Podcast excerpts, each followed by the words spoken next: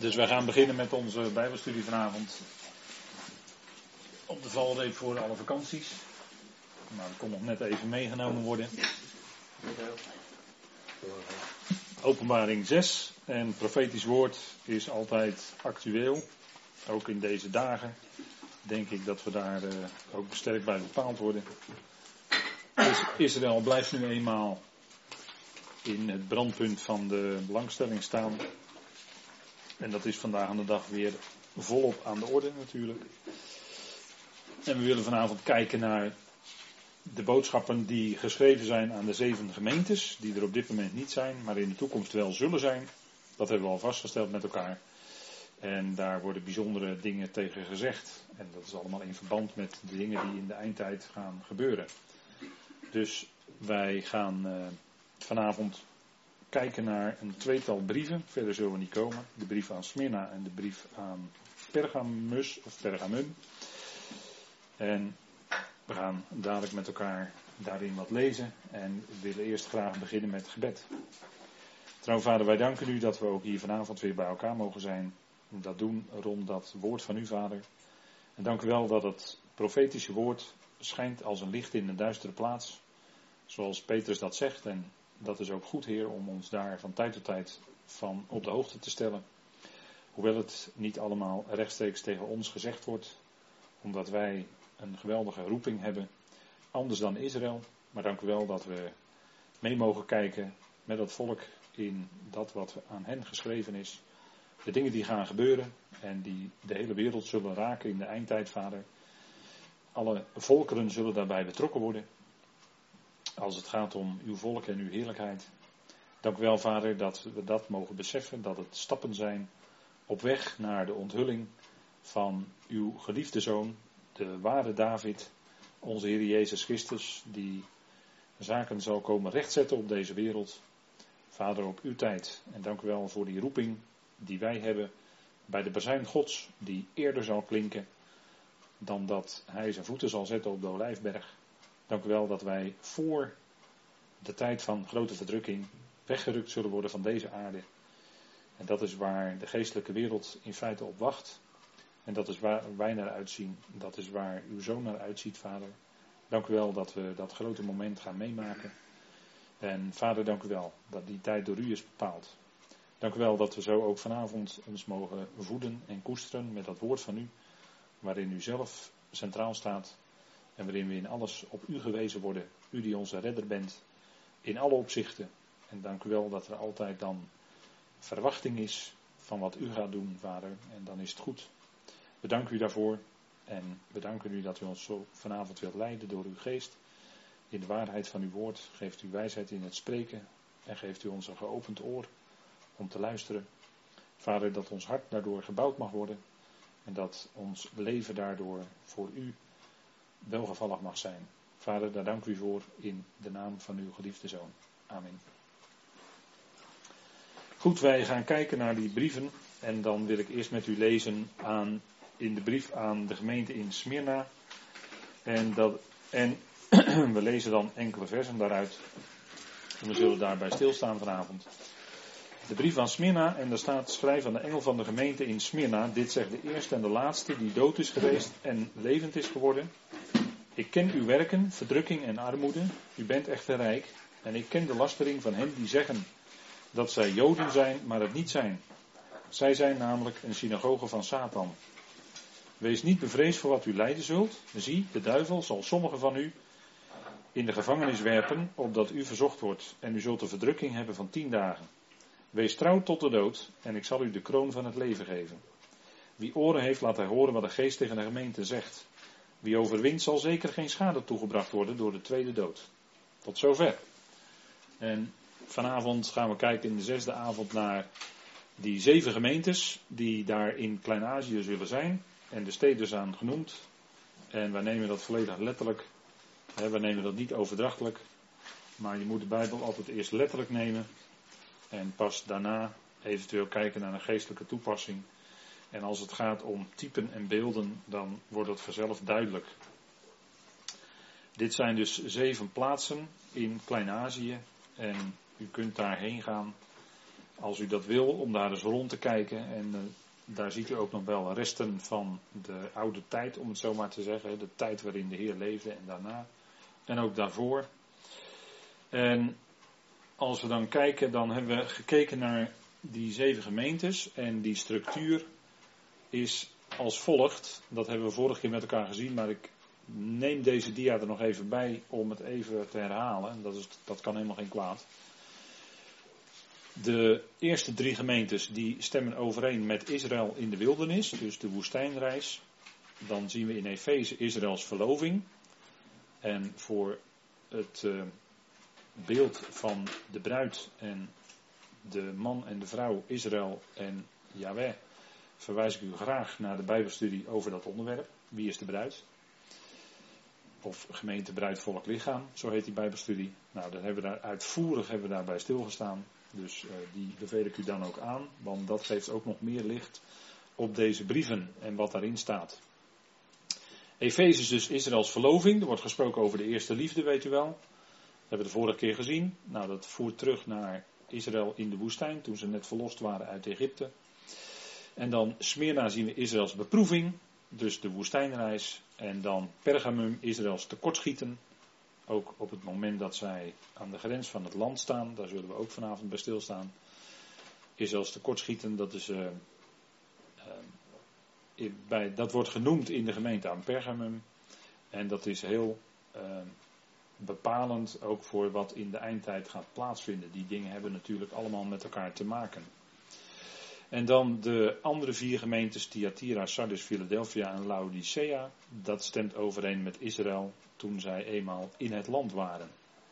En dan heb je dus eigenlijk een historische aanleiding, zou je kunnen zeggen.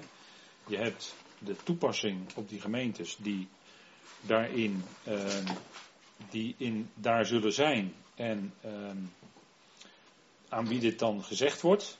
En dan krijgt het dus een, uh, echt zijn definitieve toepassing in die tijd van grote verdrukking.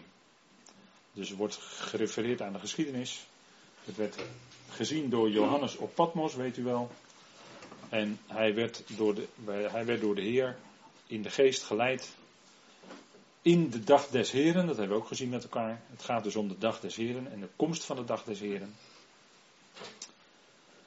Dus dat is de setting. Het heeft alles te maken met de komst van de dag des Heren. Openbaring 1 vers 10. Hij werd weggeleid in de geest in de dag des Heren staat er dan. Of letterlijk in, in de aan de Heer toebehorende dag.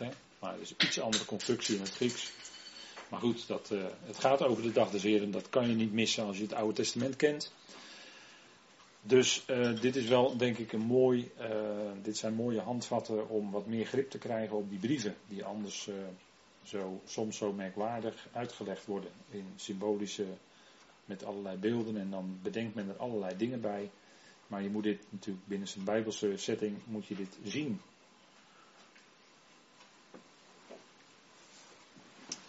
Smyrna, dat is de eerste. En dat is het huidige Izmir. Dus als u daar rond wil kijken, moet u reizen naar Izmir in Turkije. En dat spreekt over Israëls beproeving. Dus daar, die stad die is daar nog steeds, alleen die wordt nu Izmir genoemd.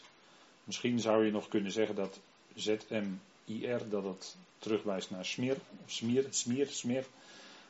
Dat zou heel goed kunnen, dat die naam daarin bewaard is gebleven. Smyrna, en dat heeft vanuit, uh, u ziet hier een uh, leuk plaatje van, uh, het is een havenstad. En daar op de berg daar was dat Acropolis daar. Hè. Smyrna, Israëls beproeving. En er staat dus in 2 vers 8. En schrijf aan de boodschappen van de gemeente in Smyrna. Dit zegt de eerste en de laatste. Die dood werd en leeft.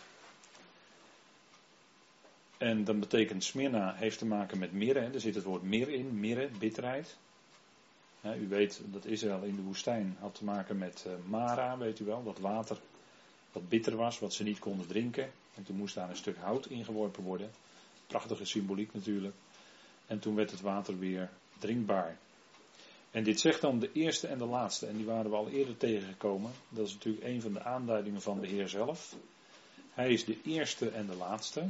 De eerste is de proton, proto, proton. En de laatste, dat is de eschaton. En dat is in de Bijbelse letters de alfa en de omega. De eerste en de laatste letter van het alfabet. Hij is de alfa en de omega, wordt ook in hetzelfde hoofdstuk gezegd. En dan is hij natuurlijk daarin het hele woord van God. De Heer Jezus Christus is het woord, is het levende woord. En het begint bij hem en het eindigt bij hem. En daarmee is hij het woord van God. Als God spreekt, dan doet hij dat door zijn zoon en in zijn zoon. En iemand heeft wel eens opgemerkt, u kent die opmerking inmiddels wel van mij, maar die is niet van mezelf hoor. Maar iemand anders, een oude bijbelleraar, heeft wel eens gezegd, God spreekt altijd over zijn zoon. En is het dan zo gek dat iemand, als die zoon zoon heeft, vind je dan gek dat hij altijd spreekt over zijn zoon? De hele schrift in al zijn delen spreekt over de zoon van God. Overal vinden we hem in terug. In typen, in beelden. En als God spreekt, dan is daar altijd aanwezig de Heer Jezus Christus. Hij is de eerste en de laatste. Hij is de Alpha en de Omega. Hij staat aan het begin en hij is redder, dat is het geweldige. En hij staat ook aan het eind. Hij staat ook aan het eind.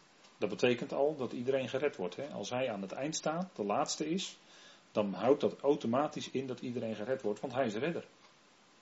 dat is eigenlijk ook weer niet te missen, hè? vanuit deze kant eens een keer bekeken.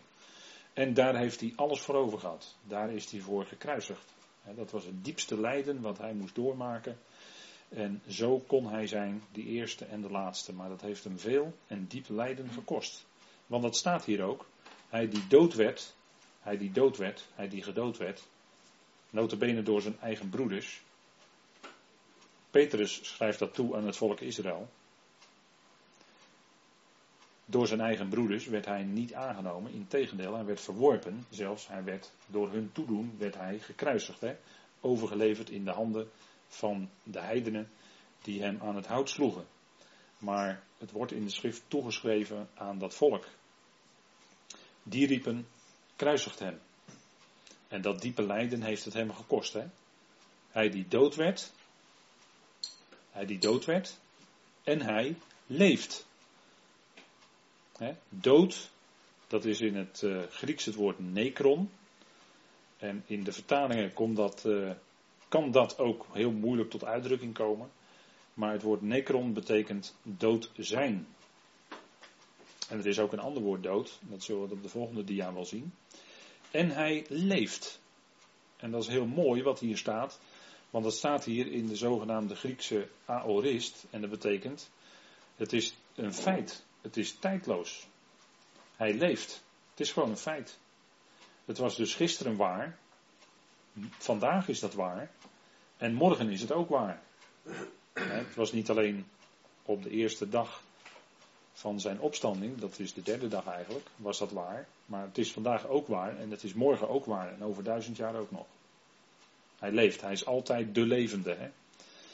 En hij leeft, en het geweldige voor ons is dat hij leeft en hij bidt voor ons. Hij pleit voor ons bij de Vader. dat is fantastisch. Dat je zo'n voorbidder hebt bij de Vader als de Heer Jezus Christus. Ik kan me geen betere voorstellen. er is geen betere voorbidder dan hij. Hij die dood werd, notabene door zijn eigen volk. Degene die in feite als de bruid bedoeld waren. En zij kruisigden hun bruidegom, om het maar even zo te zeggen. Dat is wat. Dat is wat. Nou, dus hij leeft. Hè? En u ziet ja dat boompje, dat vergeet ik bijna te vermelden, maar dat is de boom waaruit de mirre wordt gewonnen. U ziet dat daar, dat, dat boompje op heel onherbergzame plaatsen toch kan groeien en toch vrucht kan voortbrengen. Hè? Uit, waaruit de, de hars of uit de gom wordt dan de mirre gewonnen. Hè? Dus de, uh, en daar is heel wat kilo's voor nodig om daar, uh, daar is heel wat liter voor nodig, om het zo maar te zeggen, om 1 kilo zuivere mirre te krijgen. Dat is heel kostbaar. En hè, dus veel moeite. En dat, dat duidt ook iets op die beproeving, dat duidt aan het lijden, ook het bittere van het lijden. Dat kost heel veel moeite. Hè, dat is niet zomaar. En dat is ook niet alleen wat de Heer overkwam, maar dat overkomt ons ook. Hè. Ook wij hebben te maken met lijden en verdrukkingen. En dat is soms bitter. Proef dat. Maar het levert ook vrucht op, want bij de Heer zal het enorme vrucht opleveren, namelijk de hele mensheid. Nou, dat is nogal wat, hè? Dat is heel veel. En die mirre is dus iets, eh, als je het zo gaat bekijken, iets heel kostbaars. En uh, dat uh, werd in allerlei toepassingen ook gebruikt. Hè. En die boog die u daar ziet, dat is het oude Smyrna, de ruïnes zeg maar, waar vroeger dan de straten waren, waar door gelopen werd. Nou, dat is van, van een paar duizend jaar geleden. En dat is dan nog, daar zijn nog wat resten bewaard gebleven. En dan zegt de Heer tegen hen: Ik ken jullie werken, verdrukking en armoede. En dat zal in die tijd van grote verdrukking ook zo zijn. Hè? dat woord verdrukking is dan geen uh, sinecure, om het zo maar te zeggen. dat is nogal wat. Want het zal dan de tijd zijn van grote verdrukking. En dan zullen ze ook niet rijk zijn. Ze, hebben, ze zullen armoede, als het gaat om goederen, zullen ze armoedig zijn. Maar hij zegt daarbij, jullie zijn echter rijk.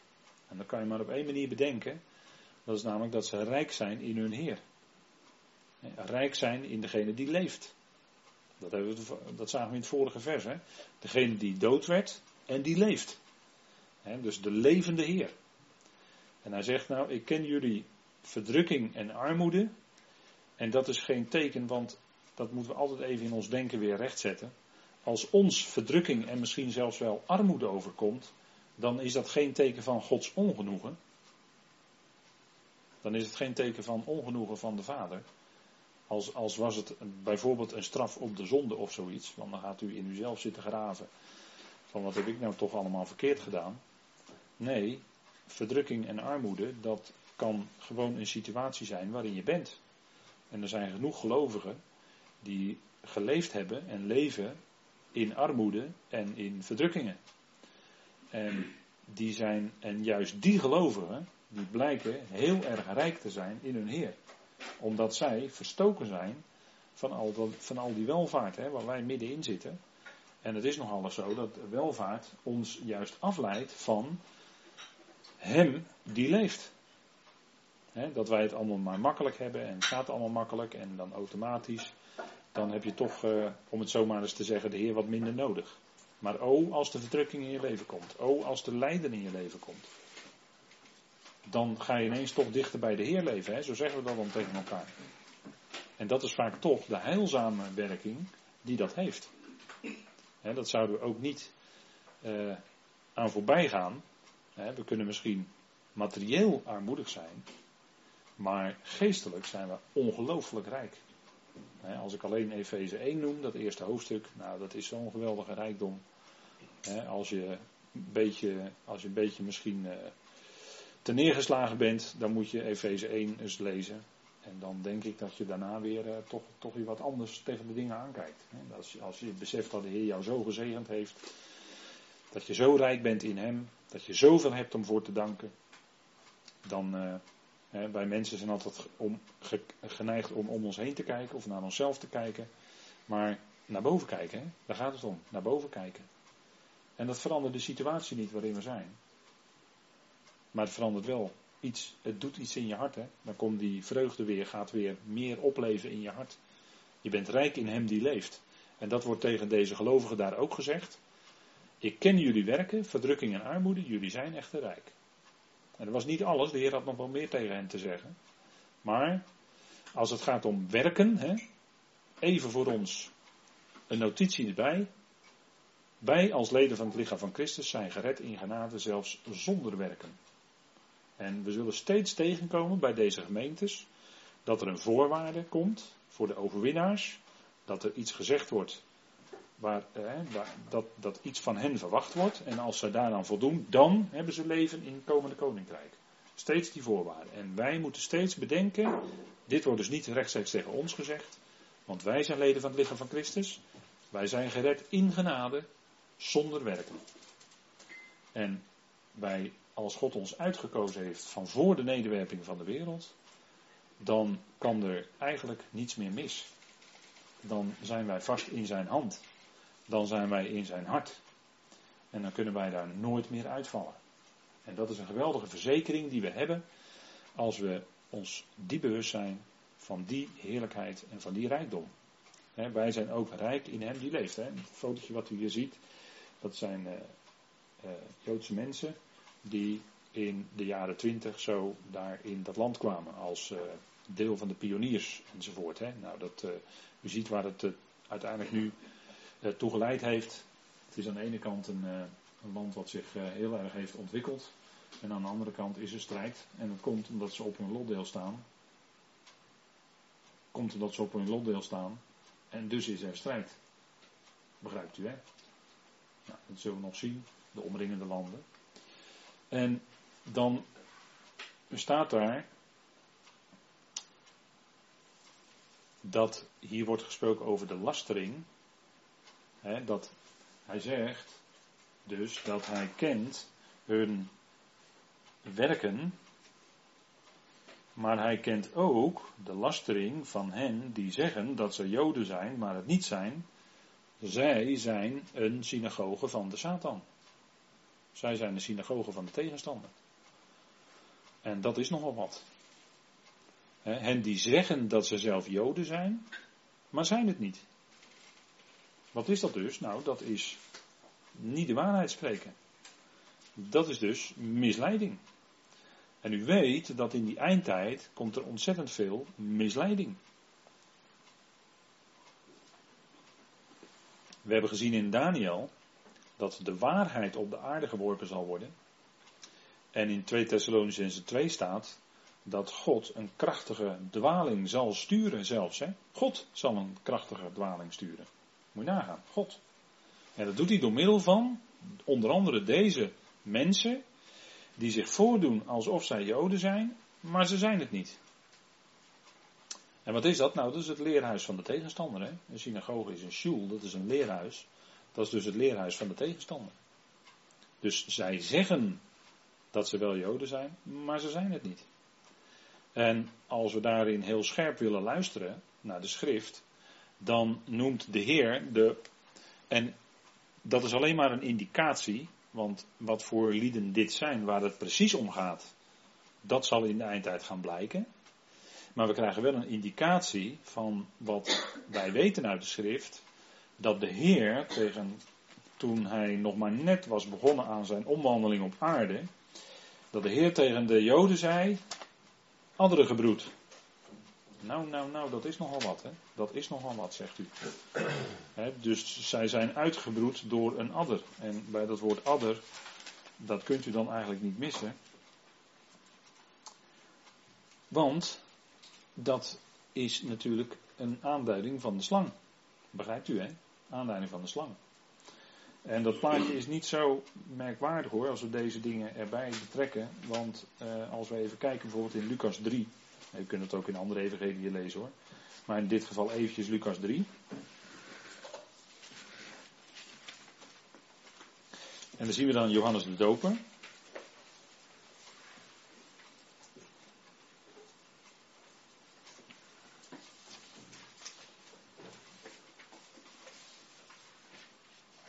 En die was profeet, hè?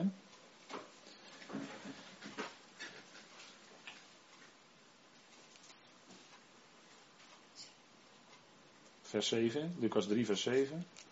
En er zei tegen de menigte die uitliep om door hem gedoopt te worden, andere gebroed. Alsjeblieft. Dat is nogal wat, hè? Wie heeft jullie laten weten dat jullie moeten vluchten voor de komende toren? Breng dan vruchten voort in overeenstemming met de bekering. En begin niet bij uzelf te zeggen: Wij hebben Abraham als vader. Want ik zeg jullie dat God uit deze stenen voor Abraham kinderen kan verwekken. De bijl ligt zelfs al aan de wortel van de bomen. Elke boom dan die geen goede vrucht voortbrengt, wordt omgehakt en in het vuur geworpen. Dat is nogal wat, hè, wat Johannes hier zegt.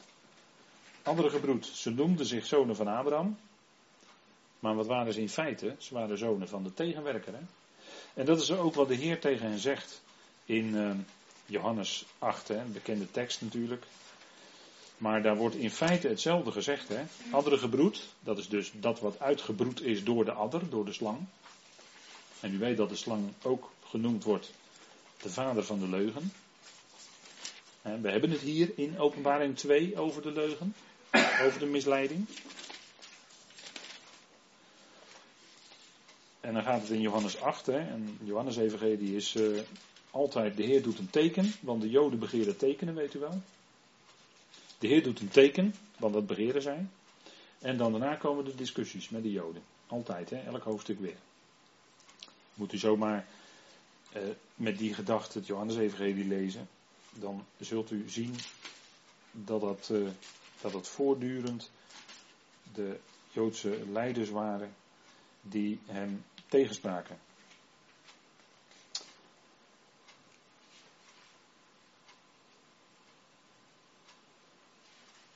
En dat is dan in Johannes 8, ehm, vers 37, zullen we maar beginnen. Ik weet dat jullie, en dat zijn dan de, eh, de Joden, hè, de, de, de schriftgeleerde fariseeën en dergelijke. Ik weet dat jullie Abrahams nageslacht zijn, maar jullie proberen mij te doden, omdat mijn woord in jullie geen plaats krijgt. Kijk, ze waren zo bezig met die Tanach, met die Torah, maar meer, meer nog met de tradities dat de Heer dit tegen hem moet zeggen. Omdat mijn woord in jullie geen plaats krijgt. Ze waren zo bezig met al die dingen, maar zijn woord accepteerden zij niet. Ik spreek wat ik bij mijn vader gezien heb. Jullie doen dus wat jullie ook bij jullie vader gezien hebben. En ze antwoordden en zeiden tegen hem: Abraham is onze vader. En Jezus zei tegen hen: Als jullie Abrahams kinderen waren, zouden jullie de werken van Abraham doen.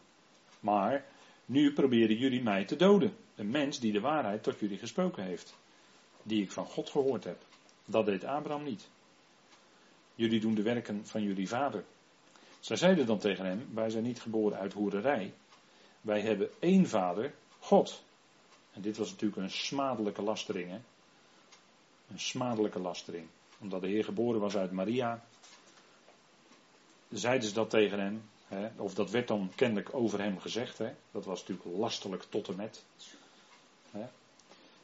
En hij zegt ook precies hier waar het op staat. Hij zegt precies de waarheid.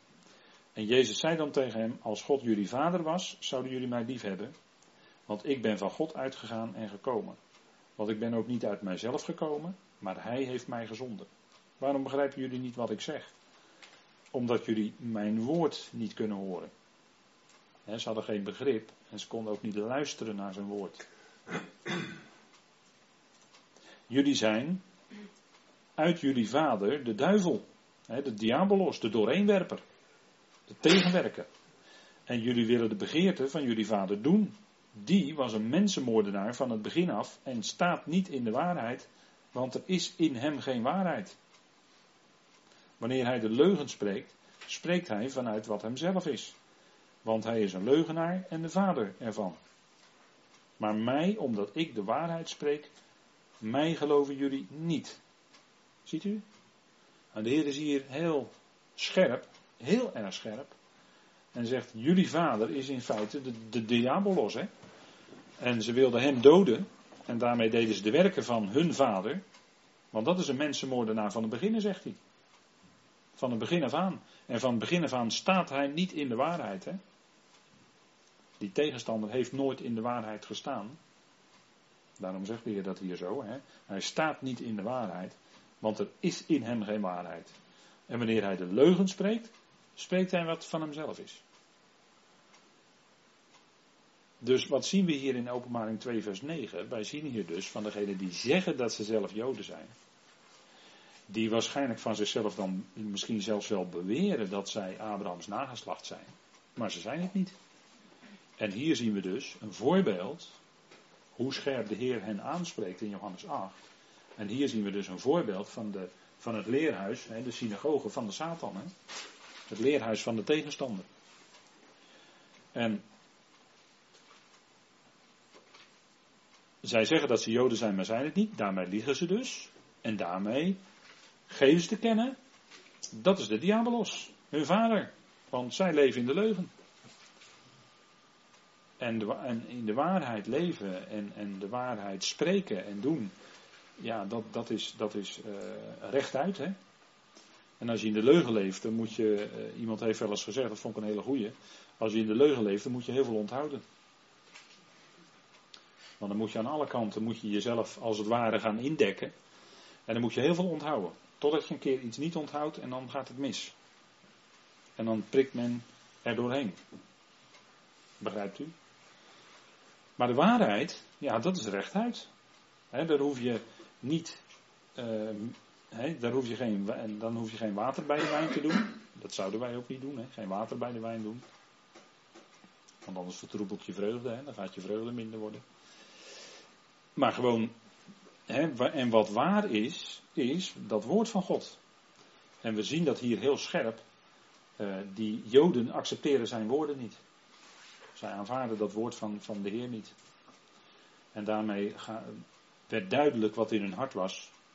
Dat zij waren meer gesteld op de eer van mensen. Ze waren meer gesteld, ze waren meer betrokken bij de tradities. Ze waren meer betrokken bij hun eigen. Hè? Maar zij accepteerden het woord niet. En daarmee leven ze in de leugen. En dat is altijd. En daarom noemt de Heer ook hen, niet alleen Johannes deed dat, maar de Heer deed dat bij gelegenheid ook hoor. Die noemde hen ook oudere gebroed. wat dat betreft eh, was het hetzelfde. Ze hadden de tegenwerker tot vader. Kijk, die Joden die begeren een teken.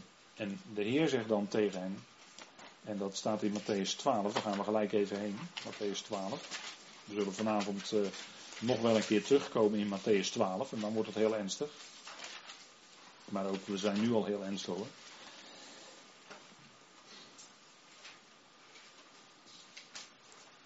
De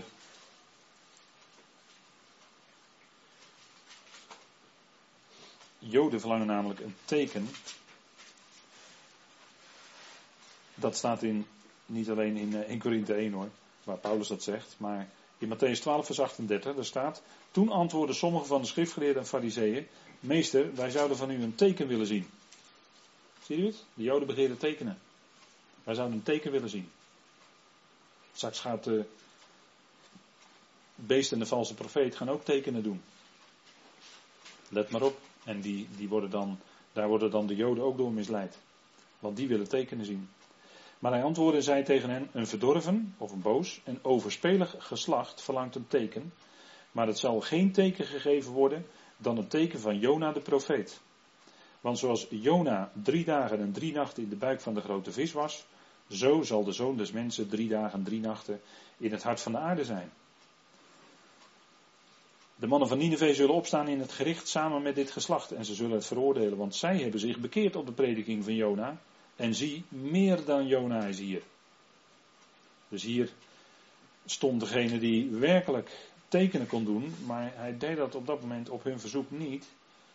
En hij zegt, jullie zal een teken geschieden, en dat is het teken van Jona de profeet, die opgeslokt werd in de grote vis.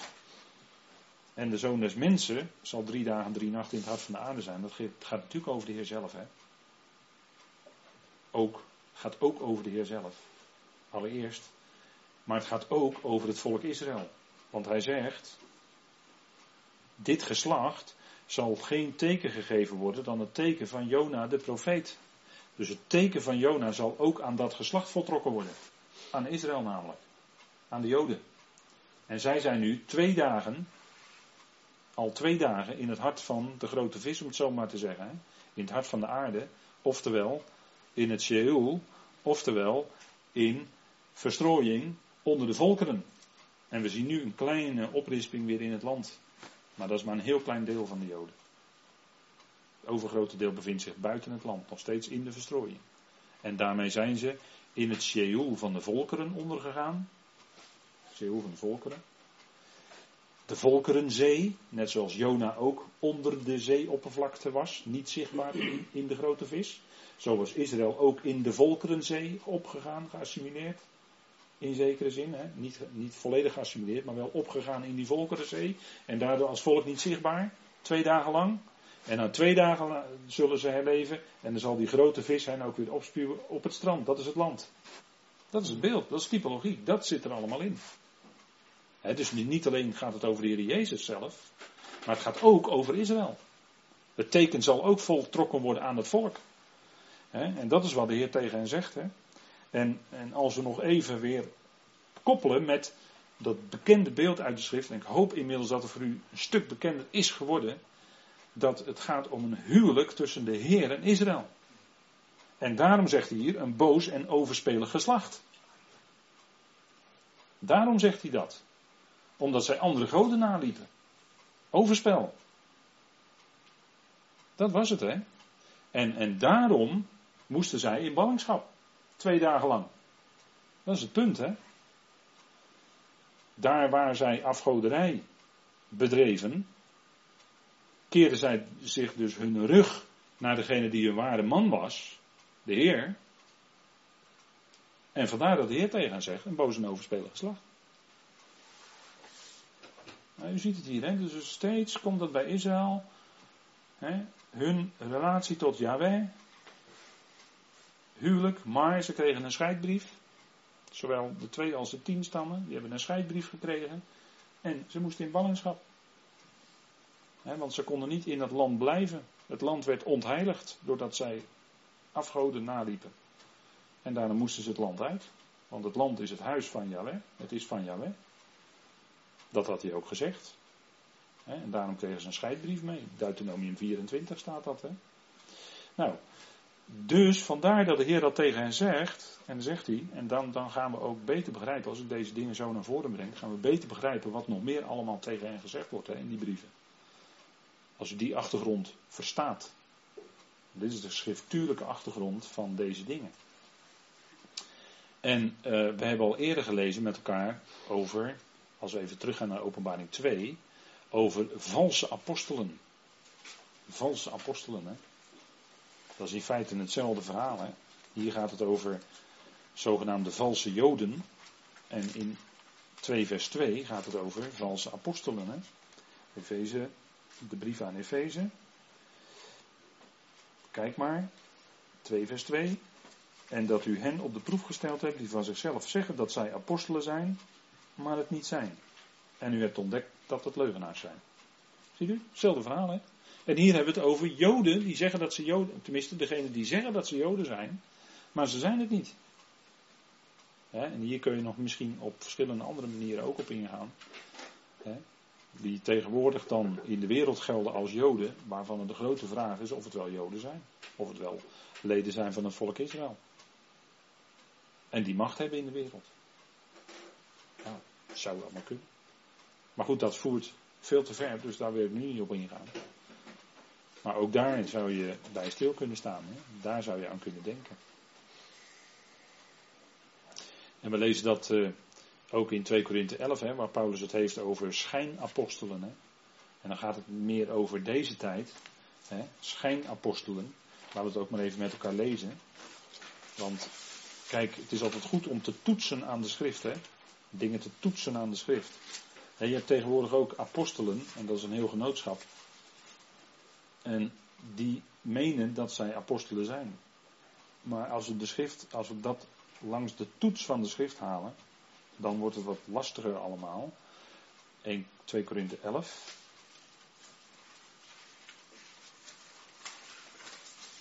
En dan gaat over dat roemen. Hè? Paulus wilde niet roemen. In die Korinthebrieven gaat het steeds over dat roemen. Roemen op mensen. Roemen. Op een of andere manier. Daar waren die Corinthiërs dus kennelijk mee bezig. Die beroemden zich op mensen, die beroemden zich misschien wel op hun eigen prestaties, op hun eigen. Maar kijk waar het om gaat, is op een andere manier roemen. Hè. Maar hij zegt dan in 2 Korinthe 11, vers 12: Maar wat ik doe, zal ik ook blijven doen, omdat ik elke aanleiding wegneem van hen die een aanleiding zoeken om in datgene waarin zij roemen, aan ons gelijk bevonden te worden. Dus er waren, om het zo maar te zeggen, uh, concurrenten. Paulus beschouwde ze niet zo hoor. Maar dat waren een soort, soort van concurrenten van Paulus. Die zich ook op die manier wilden manifesteren. En dan zegt Paulus van hen in vers 13. Want zulke lieden, dus degene die zelf roemen, zijn valse apostelen. Bedrieglijke arbeiders. Die zich voordoen als apostelen van Christus.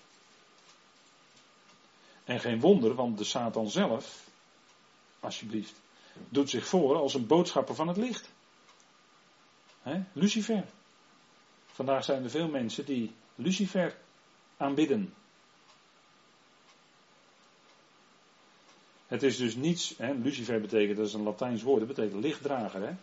Lux is licht. En ver, dat heeft te maken met dragen. Dus de lichtdrager. En die aanbidden zij. Zal ik eens een aantal noemen die dat doen. Dat zijn de hooggraad vrijmetselaars. Hè? Laten we maar zeggen ongeveer vanaf de dertigste graad. En dan leren zij zogenaamd het ware licht, maar dat is natuurlijk vals licht. Dat is geen licht, dat is duisternis. Want dan zit je diep in de duisternis hoor, als je daarin bent. Dat is het systeem van de tegenstander. Maar dan leren zij het ware en dan gaan ze ontdekken dat in al die graden daaronder zij dus de dingen fout hebben geleerd en nu leren ze zogenaamd het ware. Zogenaamd, hè. En dan leren zij de leer van Lucifer. He, als we het vanavond hebben over de synagoge van de Satan, als we daar vanavond eens over hebben, dan is dat nu een vorm van synagoge van de Satan. Hoor. En u zou eens moeten weten hoeveel Hebreeuwse uh, symboliek er in de loges zitten. hoeveel Hebreeuwse symbolen daar gebruikt worden.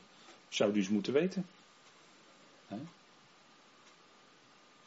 Maar dat is wat hoor. Dat is wat. En uh, nou ja, goed. Uh, als we daarover hebben. En de macht daarvan, die is behoorlijk groot. Maar goed, we gaan geen namen noemen. Maar weet in ieder geval dat dat op dit moment volop aan de orde is. En dat zijn niet de enige. En de Satan die doet zich voor als een boodschapper van het licht. Kijk, in Petrus wordt gezegd dat hij rondgaat als een brullende leeuw. Dat is als hij uit de hemel is geworpen op de aarde. Dan gaat hij rond als een brullende leeuw. Nu niet. Nu is het veel subtieler. Nu gaat hij rond als was hij een boodschapper van het licht. En dan is hij steeds bezig dat woord van God een klein beetje te verdraaien. Wat hij in Genesis 3 al deed. Hè? Klein beetje verdraaien, ter discussie stellen en vervolgens zijn waarheid, wat dus leugen is, ervoor in de plaats stellen. Kijk, één voorbeeld. De schrift zegt dat dood ook echt gewoon dood is. Geen bewustzijn. De tegenstander zegt dat dood niet dood is, maar een andere vorm van leven. Helaas wordt dat door veel christenen ook geloofd. Helaas, helaas. Maar al zouden zij de schriften volgen, dan zouden zij weten dat dood volgens de schrift dood is. Nou, dan saneer je gelijk een hele, al die reïncarnatiegedachten. Dan saneer je gelijk alle theosofie en spiritisme en noem alles maar op. Dan kun je dan gelijk in de prullenmand gooien. En naar de roodtep weg laten afvoeren. En verbranden. Want het is allemaal kwats. Het woord kwats betekent onzin.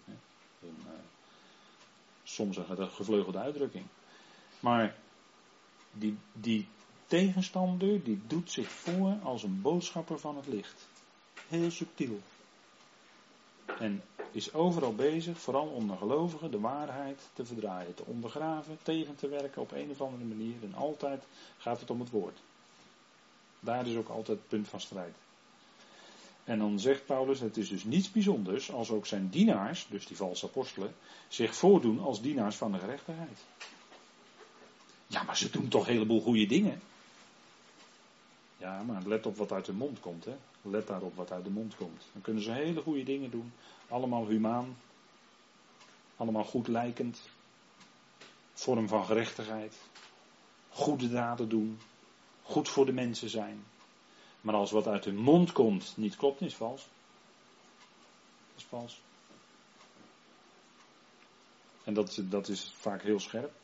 En dan zegt Paulus ook, hun einde zal zijn naar hun werken. Dus let op hun einde. Dat is dan een toetssteen. Hè? Nou goed. We gaan terug naar, uh, naar de openbaring. Een synagoge van de Satan, dat is dus het leerhuis van de tegenstander. En nu zegt men bijvoorbeeld, dat is wat anders hoor. Dat is wat anders als wat dan in de tijd van openbaring speelt. Nu zegt men, de vervangingstheologie, dat de kerk in de plaats van Israël is gekomen. En dat kun je ook rustig scharen nu om in het leerhuis van, van de tegenstander nu. Hè? En straks is dat weer anders, dan gaat het om Jood zijn, Joden. Hè? Maar de vergeestelijking van Israël, in de kerk is het geestelijk Israël enzovoort, die hele vervangingstheologie, dat is vele eeuwen geweest het systeem van de tegenstander. Dat is geen bijbelse leer, maar dat is een leer van de tegenstander in feite. Maar in de toekomst, als die tijd van verdrukking speelt, waar deze brieven in spelen, dan zegt men dat men Jood is terwijl men het niet is. Dan doet men zich voor als aanhanger van het judaïsme, want dat is onder andere Jood zijn. Maar men is het niet. En dan zal dus uh, het onkruid, om even in een beeld te spreken van Matthäus 13, daar zal het onkruid opgroeien tussen het tarwe. het dolik, dat zal opgroeien tussen het tarwe en dan zal de oogst komen en dan zal het blijken. Dan zal het blijken. De oogst is de volleinding van de eon. Dat is de, die tijd van openbaring. En dan zal het blijken wie echt is. Zij zullen lijden en verdrukking ondergaan door toedoen van de tegenwerken. De Heer spreekt over, ik ken jullie armoede en jullie verdrukking. En hier in vers 10 zegt hij, wees niet bevreesd voor wat jullie zullen lijden. Want ze zullen lijden hoor, de Joden. Er zal een ongekende uitbraak van antisemitisme zijn in de grote verdrukking zoals we dat nog nooit eerder hebben gezien. En dat is de Tweede Wereldoorlog, is daar uh, een, een, blauwdruk van, maar dan wereldwijd wat dan gaat gebeuren. Hè. Een ongekende uitbraak van antisemitisme. Tegen de Joden dus, tegen Israël. En ze zullen dus lijden, enorm lijden ondergaan. Zie, de tegenwerker zal voor jullie in de gevangenis werpen, opdat jullie beproefd worden. En jullie zullen verdrukking hebben van tien dagen. Je moet natuurlijk nagaan dat in die tijd zal men moeten buigen voor het beest en het beeld van het beest en zo niet. Ja, dan kom je op zijn minst in de gevangenis. En in de aanloop naar die tweede helft van de jaarweek zal dit natuurlijk al gaan plaatsvinden. door de enorme druk die vanuit de wereld op hen uitgeoefend zal worden. Er zal uh, enorme verdrukking voor hen zijn. En een verdrukking van tien dagen. En ik ben geneigd dat toch letterlijk te nemen. Vaak vat men dat in uitleg op als symbolisch. Maar ik denk dat het toch letterlijk kan zijn. En de tien, hè, het getal tien in de Bijbel, is een bepaalde, is een, dan is een bepaalde reeks vol. Hè. Wij kennen dat ook in ons decimale stelsel. 1 tot en met 10, dan is een bepaald punt bereikt. Hè, denk maar, ik heb één voorbeeld erbij gezet. Je zou er met vele kunnen aanvullen. Maar denk maar bijvoorbeeld aan de tien plagen van Egypte. je kunt daar een hele reeks voorbeelden uit de schrift van noemen. Maar dit is er één van. dan is er een bepaalde reeks, dan is het vol. Bij de tiende werden de eerstgeborenen van Egypte gedood. En toen liet de farao hen gaan. En een verdrukking van tien dagen wil dus zeggen dat het dus een hevige verdrukking zal zijn. En zij zullen dus lijden, dat zal enorm zijn in de tijd van grote verdrukking. Daar spreekt de Heer Jezus ook over. In Matthäus 24, dat hebben we alles met elkaar gelezen. Hè. Er zal een grote verdrukking zijn. En als die dagen niet ingekort waren, en die zijn al ingekort tot 1260 dagen, hè, dat hebben we al gezien. Die dagen zijn al ingekort, dan zou er geen vlees behouden worden. Dus dat zal zo'n enorme terreur zijn die dan uitgeoefend wordt. Hè? Nou, dat vinden diezelfde uitdrukking, grote verdrukking, vinden we ook in Daniel 12, vers 1, hebben we ook gezien. En zij zullen door enorme druk en beproeving gaan. Hè? Het zal een enorme tijd van beproeving zijn voor Israël. En ook dat was de woestijnreis, hè? was voor hen een tijd van beproeving. En daarin bleek ook hun gezindheid hè? en soms hun hardnekkigheid. Hun terugverlangen naar de vleespotten van Egypte, bijvoorbeeld. Hè? En uh, al dat soort zaken. Ze waren zo heel erg menselijk in die woestijn. Hè? Want denk niet dat u beter bent als u zelf bij die woestijnreis was geweest, had u waarschijnlijk hetzelfde gereageerd als de rest van het volk. Waarschijnlijk wel. Hè? Als je heel erg dorst hebt, als je honger hebt en je bent in de woestijn, dan ga je dat ook roepen. Och, waren we maar in Egypte gebleven. Maar ze vergaten even de enorme slavernij van Egypte. Waar ze keiharde slavenarbeid moesten verrichten. En uh, zoveel stenen moesten bakken elke dag. Nou, dat was wat. Daar, daaruit waren ze verlost. Maar oh, zo snel hè, keerden ze zich weer tegen de Heer als het tegenzat. Hè, als de omstandigheden moeilijk werden. Dat is typisch des mensen. Hè, als de omstandigheden moeilijk worden, dan uh, zijn ook gelovigen wel eens geneigd om uh, op de Heer te gaan mopperen. Maar de Heer heeft je lief, in welke omstandigheid je ook bent. De Heer heeft je lief, altijd. Hè?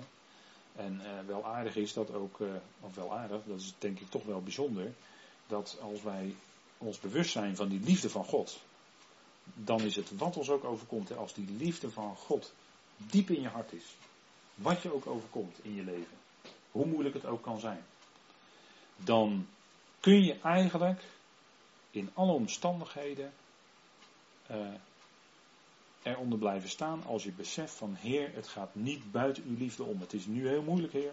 Ik weet het, maar het gaat niet buiten uw liefde om. En het is opmerkelijk dat Paulus dan in Romeinen 8, hè, want daar moet ik nu aan denken, tien, precies tien dingen noemt. Dat is toch wel opmerkelijk. Nee, Romeinen 8, vers, uh, als ik het goed heb, vers 38 en 39. Daar zegt hij, die bekende versen, maar ze zijn zo fijn om, om steeds weer te lezen, om te beseffen, om in je hart te hebben. Want ik ben ervan overtuigd dat nog dood, nog leven, nog engelen, nog overheden, nog krachten, nog tegenwoordige, nog toekomstige dingen, nog hoogte, nog diepte, nog enig andere schepping ons zou kunnen scheiden van de liefde van God, die is in Christus Jezus onze Heer. Alsjeblieft. Maar dan noemt Paulus tien dingen. Paulus noemt tien dingen. Dat is toch wel opmerkelijk. Hè? Hij noemt hier eigenlijk het hele scala aan verdrukkingen, aan lijden, wat de mens kan overkomen. En, en nochtans, hè, in al die dingen zijn wij nooit buiten de liefde van God. Het gaat nooit buiten hem om. Dat zouden we beseffen. Dat is zo praktisch wat Paulus hier ons aanreikt. Hè? Dat die liefde van God eigenlijk altijd blijft staan. Wat er ook gebeurt in ons leven. En, dan gaat het door dalen heen, al gaat, het, al gaat de zee hoog, al stormt het hart in je leven. Dan is het toch zo dat die liefde van God, die is er en die houdt je vast. Daarin ben je geborgen. Dat is je zekerheid, dat is je vastheid. Die liefde zal nooit minder zijn, maar blijkt altijd meer te zijn dan je denkt. En dat zal ook zeker aan het eind van Gods plan blijken als iedereen erbij is. En dan zeg je wel eens, Heer, ontbreekt er niet eentje? Nee, er ontbreekt niet eentje. Iedereen is er dan allemaal. Dat is geweldig, hè? Dat is de liefde van God. En dan zeg je misschien wel verbaasd, hoor ik er dan ook bij? Ja, ja, ja, jij hoort er ook bij en ik hoor er ook bij. Wonderlijk, maar waar. Heel wonderlijk. Maar dat is nou die liefde van God. Hè? Ongelooflijk. Ja, zo zullen we er allemaal bij zijn. Uiteindelijk. Wij horen er nu al bij. Dat is geweldig. Hè? Wij zijn voorlopers. Dat is heel fijn. Kijk, en wat dus in die eindtijd, en daar, daar leven we natuurlijk al een beetje in, hè? strikt genomen misschien nog niet echt, maar als je de Bijbelse eindtijd, uh, waar eindtijd genoemd wordt, nagaat. Maar we leven er heel dichtbij. Die twee dagen, die 2000 jaar zijn bijna voorbij, waar ik het er net over had. Hè, dat, het, uh, dat die zoon des mensen in het hart van de aarde is, of in de Volkerenzee. Die twee dagen zijn bijna voorbij en volgens Hosea komt dan die derde dag van de opstanding. Het Ottomaanse Rijk, hè, u ziet die, dat is toch wel een treffende vergelijking. Het Ottomaanse Rijk dat strekt zich behoorlijk ver uit. En als je daaronder zet de tegenwoordige islamitische landen, dan is daar toch een treffende overeenkomst. Hè? En het is zelfs nog meer, nog groter. Hè, want u ziet hier, het uh, Ottomaanse Rijk was tot en met het Arabische schiereiland. Maar die islamitische landen die strekken zich uit uh, tot uh, een groot deel van India zelfs, Indonesië. Nou, dat, uh, dat is een behoorlijk groot gebied inmiddels geworden. Hè? En als je dus de Bijbelse profetieën volgt, hè, dat hebben we gezien ook aan de hand van Daniel, en dat zullen we ook nog gaan zien in de openbaring, als we daar nog de tijd voor krijgen, want ja, dat is nog maar de vraag, hè, of we daar de tijd voor krijgen. Maar als we daar nog de tijd voor krijgen, dan zullen we dat ook gaan zien, dat, dat in, die, in die islamitische wereld, hoogstwaarschijnlijk, zullen ook die tien landen gevormd worden. Hè, die tien tenen van dat beeld, dan heb ik het over die tien uh, kronen, dan heb ik het over tien staten in feite. Hè, waar men lange tijd in de uitleg heeft gedacht dat is de Europese Unie. Maar ja, dat is nu al geloof ik al 25 landen, hè, dus dat gaat niet meer. Maar dan daar in die islamitische conglomeratie rondom Israël, dat daar die tien statenbond gaat ontstaan. Dat is heel goed mogelijk. Dat is heel goed mogelijk. En daar zal iemand, en daar gaan we in het volgende deel vanavond naar kijken, daar zal iemand mogelijk een grote rol in kunnen spelen. En die speelt dat al een beetje. En dan gaat het om religie. In de eindtijd hebben we ook gezien, gaat het niet alleen om uh, politiek, maar gaat het ook om religie. Gaat het ook om godsdienst. Dat is een heel belangrijke factor. En, en dat is zeker vandaag de dag heel erg aan de hand. Hè. Daar heb je mee te maken gewoon. En dan zegt de Heer als belofte, hè, word trouw tot aan de dood. En ik zal jullie de krans van het leven geven. openbaring 2, vers 10. En ik heb er even opgezet de, verschillende woorden die in het Grieks gebruikt worden. Sterven is uh, een ander woord dan dood. Dat wil zeggen doodgaan. En weer is weer een ander woord dan dood zijn. Maar dat is helaas in uw vertalingen is dat, wordt het woord sterven wel gebruikt. Dat is dan wel te onderscheiden. Maar dat dood is vaak uh, of het een of het ander. Hè. Maar dan moet je dus het Grieks wel even nakijken. Als je dat kan. En anders uh, wordt dat, uh, hopen we dat steeds in de uitleg wel aan te geven. En de Heer was dus, uh, hier wordt namelijk, we hebben eerst gezien dat hij dood werd. En toen ging het om het woord dood zijn, dat onderste woord. Hè. Maar hier staat, wordt trouw tot aan de dood. En dan wordt dat tweede woord gebruikt. Dat is feitelijk het doodgaan. Dus het moment van overlijden, om het zo maar te zeggen. En dan zegt hij tegen die mensen in Smyrna, wordt trouw tot aan de dood. En ik zal jullie niet de kroon, maar de krans van het leven geven. In uw vertaling staat kroon, maar in het Grieks staat er eigenlijk krans. Een stefanos. En dat is een lauwerkrans meestal, die aan degene die goed eh, volgens de regels hebben gestreden, uh, die zullen ontvangen. Meestal bij sportwedstrijden. Hè. En hij zal dan hun, hun dan het leven geven. Wordt trouw tot aan de dood en ik zal jullie de krans van het leven geven. Hij is dus de levende, hè, de levengever. En ze zullen dan dus leven hebben, als ze trouw zijn, in de komende eonen. Dat is een, weer zo'n voorwaarde, weet u wel. Word trouw tot aan de dood en ik zal jullie de krans van het leven geven. Voor ons, daar heb ik even onderaan gezet, voor ons geldt dat wij eonisch leven al ontvangen hebben als een genadegeschenk in Christus Jezus. Dat is dus een genadegeschenk, hè? Daar hoeven we niet trouw voor te zijn, daar hoeven we niet voor te werken, daar hoeven we niets voor te doen, dat hebben we in genade ontvangen. Ionisch leven is onvervreemdbaar voor ons. Kunnen we nooit verliezen, want het is in Christus Jezus. dus dat is gewoon ons genadegeschenk. Dat hebben we al ontvangen in Christus Jezus. Kunnen we nooit meer kwijtraken. Ja, dat is denk ik duidelijk. Hè? Nou, dat zijn die verschillen zo die we dan zien. Hè? En dan in 2 vers 11 de belofte aan de overwinnaar. En dan gaan we zo dadelijk pauzeren. Wie oren heeft, laat hij horen wat de geest tegen de gemeenten zegt. Wie overwint, zal zeker, en dat staat er merkwaardig genoeg, onrecht aangedaan worden. Er staat in de vertaling meestal schade lijden. En schade lijden is natuurlijk ook een vorm van onrecht, dat weet ik wel. Maar letterlijk genomen staat er, zal geen onrecht aangedaan worden door de tweede dood. Heel bijzonder, hè? In dit licht, kijk, als je dus overwint, als je dan toch in de tweede dood zou komen, zou dat onrecht zijn. Want aan de overwinnaars wordt de belofte ook van het leven gegeven. Dat hebben we in het vorige vers gezien. Trouw tot de dood, dat zijn de overwinnaars. Die krijgen de belofte van leven. Als ze dan toch in die tweede dood zouden komen, zou dat onrecht zijn. Dat zou niet terecht zijn. Begrijpt u? Daarom staat het hier zo. Dus zij zullen geen onrecht aangedaan worden door de tweede dood. Dus zij zullen niet in de tweede dood komen. De poel des vuurs bewerkt voor de mensen die erin geworpen worden de tweede dood. Maar deze overwinnaars worden dus niet in die poel des vuurs geworpen, want zij hebben leven en zij staan dus in het boek des levens.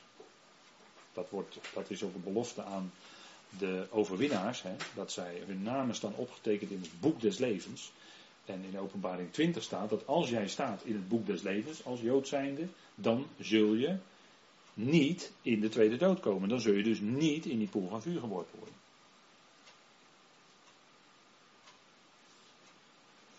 En daarom zegt de Heer hier tegen die gemeentes: wie oren heeft, laat hij horen wat de geest tegen de gemeente zegt. Hè? Dat is heel fijn hoor, als je oren echt geopend zijn. Je, je kunt, de meeste mensen kunnen wel horen, maar hun oren zijn niet geopend. Als u begrijpt wat ik bedoel. Zij luisteren wel, maar zij verstaan niet. Hun oren zijn niet open. En dat gold voor, helaas, ook voor Israël. En daarom zegt de Heer dat tegen hen juist. voor Israël was het zo, zij hoorden, zij hoorden wel een heleboel woorden. Zij, eh, het was steeds hoor, Israël hoor. De Heer uw God is één, gaat. Maar zij hoorden niet, want het hart was vet geworden. Zeg Jezaja toch? Hun hart was vet. Hun oren waren dicht. En hoe komt dat? Het komt omdat er een boze geest ingevaren was. En dat past de Heer toe op het volk. Hè? Van als een huis, als daaruit een boze geest is verdreven, een demon, dan komen, die, komen ze daarna met z'n zeven terug. En dan is, wordt het erger, dan wordt het erger dan daarvoor. Hè? Het wordt erger dan daarvoor. En toen was daar iemand, hè, Marcus 9 heb ik even aangehaald. Toen Jezus zag dat de menigte samenstroomde, bestrafte hij de onreine geest en zei tegen hem: Jij stomme en dove geest, ik beveel je, ga uit hem weg en kom niet meer in hem. Dat zal in de toekomst ook met Israël gebeuren. Hè? Dat is een type natuurlijk van Israël, wat in de toekomst gaat gebeuren. En die geest op zichzelf was natuurlijk niet stom en doof, maar die geest maakte die persoon stom en doof. Want dat is wat een demon ook letterlijk kan doen hoor, bij een mens. Die kan iemand letterlijk doof en stom maken. Kan. En als die demon dan uitgeworpen wordt, kan het zijn dat die persoon ineens weer gaat spreken. dat kan. Dat kan. Als we het geestelijk even toepassen, dit is heel letterlijk wat ik nu zei, maar het kan ook vooral geestelijk, en zo is het ook meestal. Als daar een demon in iemand vaart, dan is het eerste wat die demon doet, is de ramen en de luiken dicht, zodat er geen woord van God meer inkomt. En meestal uh, ook het spreken. Hè? Spreken wordt dan niet fraai meer. En dat was wat bij het hele volk gebeurde. En dan gaan we toch nog even op de valreep voor de pauze. Terug naar Matthäus 12, wat ik net zei. En ook daar is het weer heel ernstig wat de Heer zegt. Heel ernstig. Maar dit is wel wat aan het volk voltrokken wordt. En er staat, wanneer nu de onreine geest, Matthäus 12, vers 43. Wanneer nu de onreine geest uit de mens weggegaan is, gaat hij door dorre plaatsen om rust te zoeken, maar hij vindt die niet. Dan zegt hij, ik zal teruggaan naar mijn huis, waar ik uit weggegaan ben. En wanneer hij komt, vindt hij het leeg, geveegd en opgeruimd. Dan gaat hij weg en neemt zeven andere geesten met zich mee, die meer verdorven zijn dan hij zelf. En wanneer zij naar binnen gegaan zijn, gaan gaan zij daar wonen. Met z'n achter dus. Hè. En het einde van die mens wordt erger dan het begin. Zo, let op hè, zo zal het ook zijn met dit verdorven geslacht. Alsjeblieft. Hier zegt de Heer iets hoor. Dit is namelijk aan het volk voltrokken. De onreine geest werd uitgeworpen. Hij kwam te midden van het volk. Maar zij verwierpen hem. En wat is daarna dus gebeurd? Ze zijn met z'n zevenen, met z'n achter teruggekomen. Dat is wat. Dat is wat. En dat is wat nu eigenlijk al een tijdje aan de hand is bij dat volk. Hè? En daarom zijn ze weerspannig. Daarom zijn ze hardnekkig. Daarom zijn ze doof voor het woord. En zij willen, vaak worden ze heel fel als ze geconfronteerd worden met het feit dat Jezus een Messias is. Dan worden ze heel fel afwijzend. Heel fel. En dat schuiven ze dan op de christenen, dat weet ik wel. Maar als in alle zuiverheid en alle eerlijkheid de Jezus aan hen gepredikt wordt, is de afwijzing ongelooflijk fel. Dat kan niet zo zijn. Dat kan de Messias niet zijn. Absoluut niet. En dat is een teken van het in hen gevaren zijn, in het volk dus als geheel, van die onreine machten. En het zal straks tot een toppunt komen, tot een toppunt komen in openbaring, dan zullen we dat lezen, als zij het toppunt gaan bedrijven van afgoderij.